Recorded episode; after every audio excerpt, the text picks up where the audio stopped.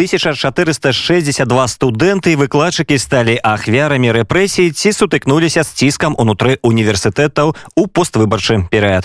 Пра гэта паведамляе універсітэт строгага рэжыма. Гэта праект над якім працавала ініцыятыва сумленны універсітэт Пра тое хто з прадстаўнікоў адміністрацыі беларускіх вну з'яўляецца рэкардсменам па адлічэннях і звальненнях і што рабіць гэтай інфармацыяй мы пагутарылі з прадстаўніком сумленных людзей олегам давыдчыкам недавно запустили сайт, где, наверное, в первую очередь собрали из разных источников воедино статистику, которая имеется по репрессиям внутри университетов.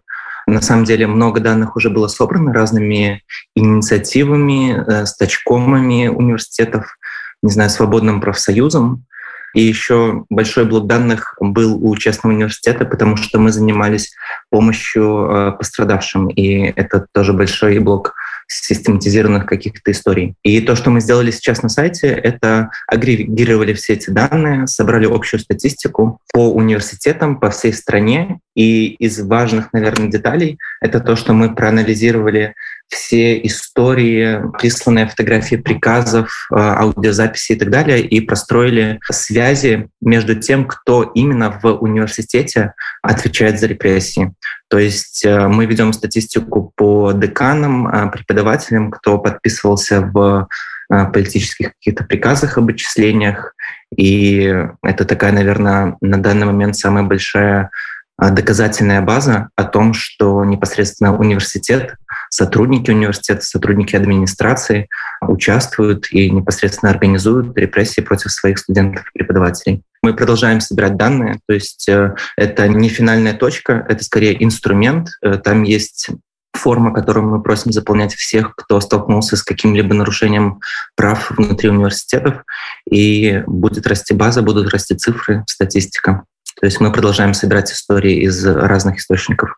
У сваіх соцсетках вы написали, что провялі расследаванне і ў выніку гэтага расследавання стала вядома, хто быў датычны да тых усіх палітычна матываваных звальненняў і лічэнняў, якія адбываліся ў мінулым годзе і нават адбываюцца зараз. У вас есть вялікая колькасць доказаў і пытанне маё ў тым, што вы робіце зараз гэтымі доказамі альбо збіраецеся рабіць. Саму базу мы ведем уже достаточно давно. То есть сейчас мы скорее сделали для нее обертку в виде сайта, где э, показываются эти цифры, и любой может зайти посмотреть. Но с самой статистикой мы работаем довольно давно и используем ее в основном в направлении международной работы. Э, когда мы вели компанию Честного университета и продолжаем вести с зарубежными университетами, которые сотрудничают с белорусскими, мы постоянно отсылаемся к э, имеющимся данным, э, говорим то, что у нас есть свидетельства пострадавших, у нас есть фотографии приказов, и все это играет роль, потому что одно дело, когда ты приходишь и говоришь, что в белорусских университетах нарушаются права студентов и преподавателей. А другое дело, когда ты говоришь, э, что ваш университет, у него подписано соглашение с таким-то ректором, у нас есть 40 фотографий приказов о том, как непосредственно этот ректор организует репрессии. Это тот человек, с которым вы сотрудничаете. И когда есть такая доказательная база, то какие-то действия по поддержке э, белорусского академического сообщества, они, конечно, идут гораздо активнее. То есть, наверное, такой э, один из ярких примеров — это то, что три ректора и один проректор, они были включены в четвертый пакет э, санкций от Евросоюза, и это непосредственно результат вот э, собранной базы, собранной доказательной базы историй, фотографий, аудиозаписей. Потому что, конечно, когда ты кого-то в чем-то обвиняешь, то тебе хорошо бы иметь на руках доказательства. А супраць кого были уведены санкции? Санкции были введены против проректора БГУ Сергея Скриба, ректора БГМУ э, Сергея Рубинковича, ректора БРГТУ Александра Бахановича и ректора БГАИ Михаила Баронза. То бок можна сказаць, што вось менавіта гэтыя людзі былі датычныя да большай колькасці палітычна матававаных звальненняў і адлічэнняў. Да, на самом деле количество людей, которые вовлечены вот в подавление любого инакомыслия в университете довольно большое, но а, там прослеживается какая-то э, структура иерархия. Понятно, что многое идет от э, ректора, от проректора по воспитательной работе, а также еще большой заметный пласт людей, которые, скажем так, пытаются проявить инициативу.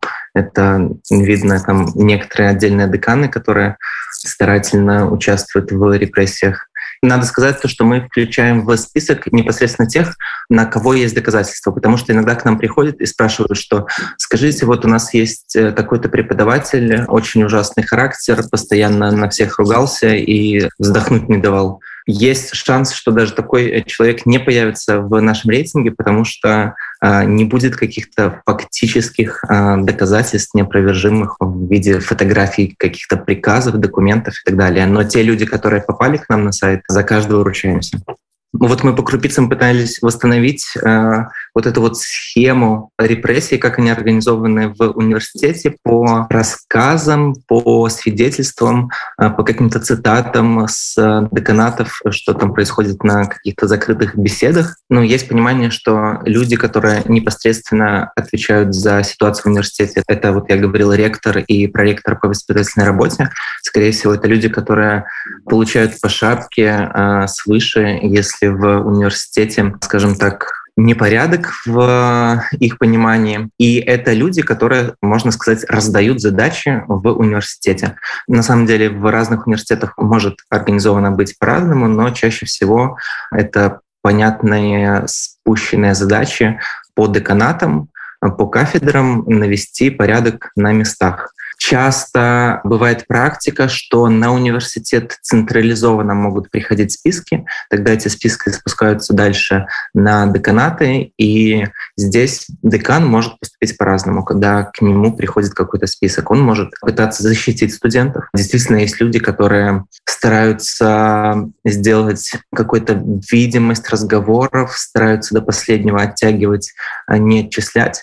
А есть те, которые подходят с такой э, прытью, исполнительностью, воспринимают это как личную такую задачу и план, который надо выполнить, а то и перевыполнить. Наверное, еще прослеживается такая инициативность, когда были акции, были там конкретные деканы отдельные, которые посещали практически каждую акцию, снимали все на телефон, составляли списки.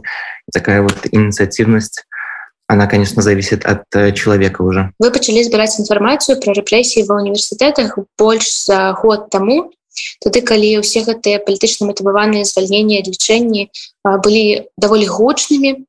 Зараз, канешне, мы ўжо не так часто пра гэта чуем і не так шмат пра гэта ведаем, але ўсё ж такі даходзіць інфармацыя пра тое, што, напрыклад, звальняюць тых жа выкладчыкаў зараз па спісах. І цікава, што кажа статыстыка, якая у вас ёсць. Ці стало больше гэтых рэпрессий?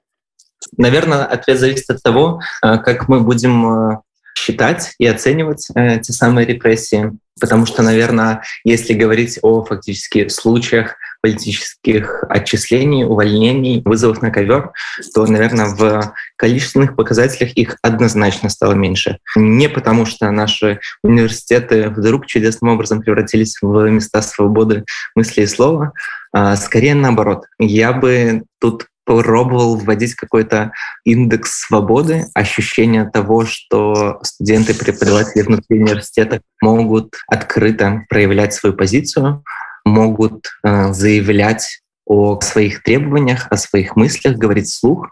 И с этим как раз-таки стало хуже. Все э, исследования, все опросы э, показывают, что напряжение в обществе сохраняется. То, что люди действительно, у них есть много их личных болей, чего-то, что их волнует и так далее. Просто они перестали это проявлять, потому что цена акции, скажем так, сильно выросла. Я бы, наверное, оценивал не репрессии как случаи, а скорее репрессивную атмосферу, атмосферу общего невыраженного недовольства, какой-то погашенный такой злобы и отчаяния. И действительно, мне кажется, заряд есть большой. И как раз-таки из-за того, что репрессии сейчас сильные, то есть э, если смотреть отдельные случаи, которые происходят, какие меры применяются к студентам, то что-либо делать страшно. И, возможно, даже это сейчас опаснее, чем год назад. Поэтому в количественном смысле, да, репрессий, увольнений, разговоров стало меньше. Но по какой причине? Потому что мне кажется, что университет все больше похож на университет строгого режима, где установлен все больше и больше контроль.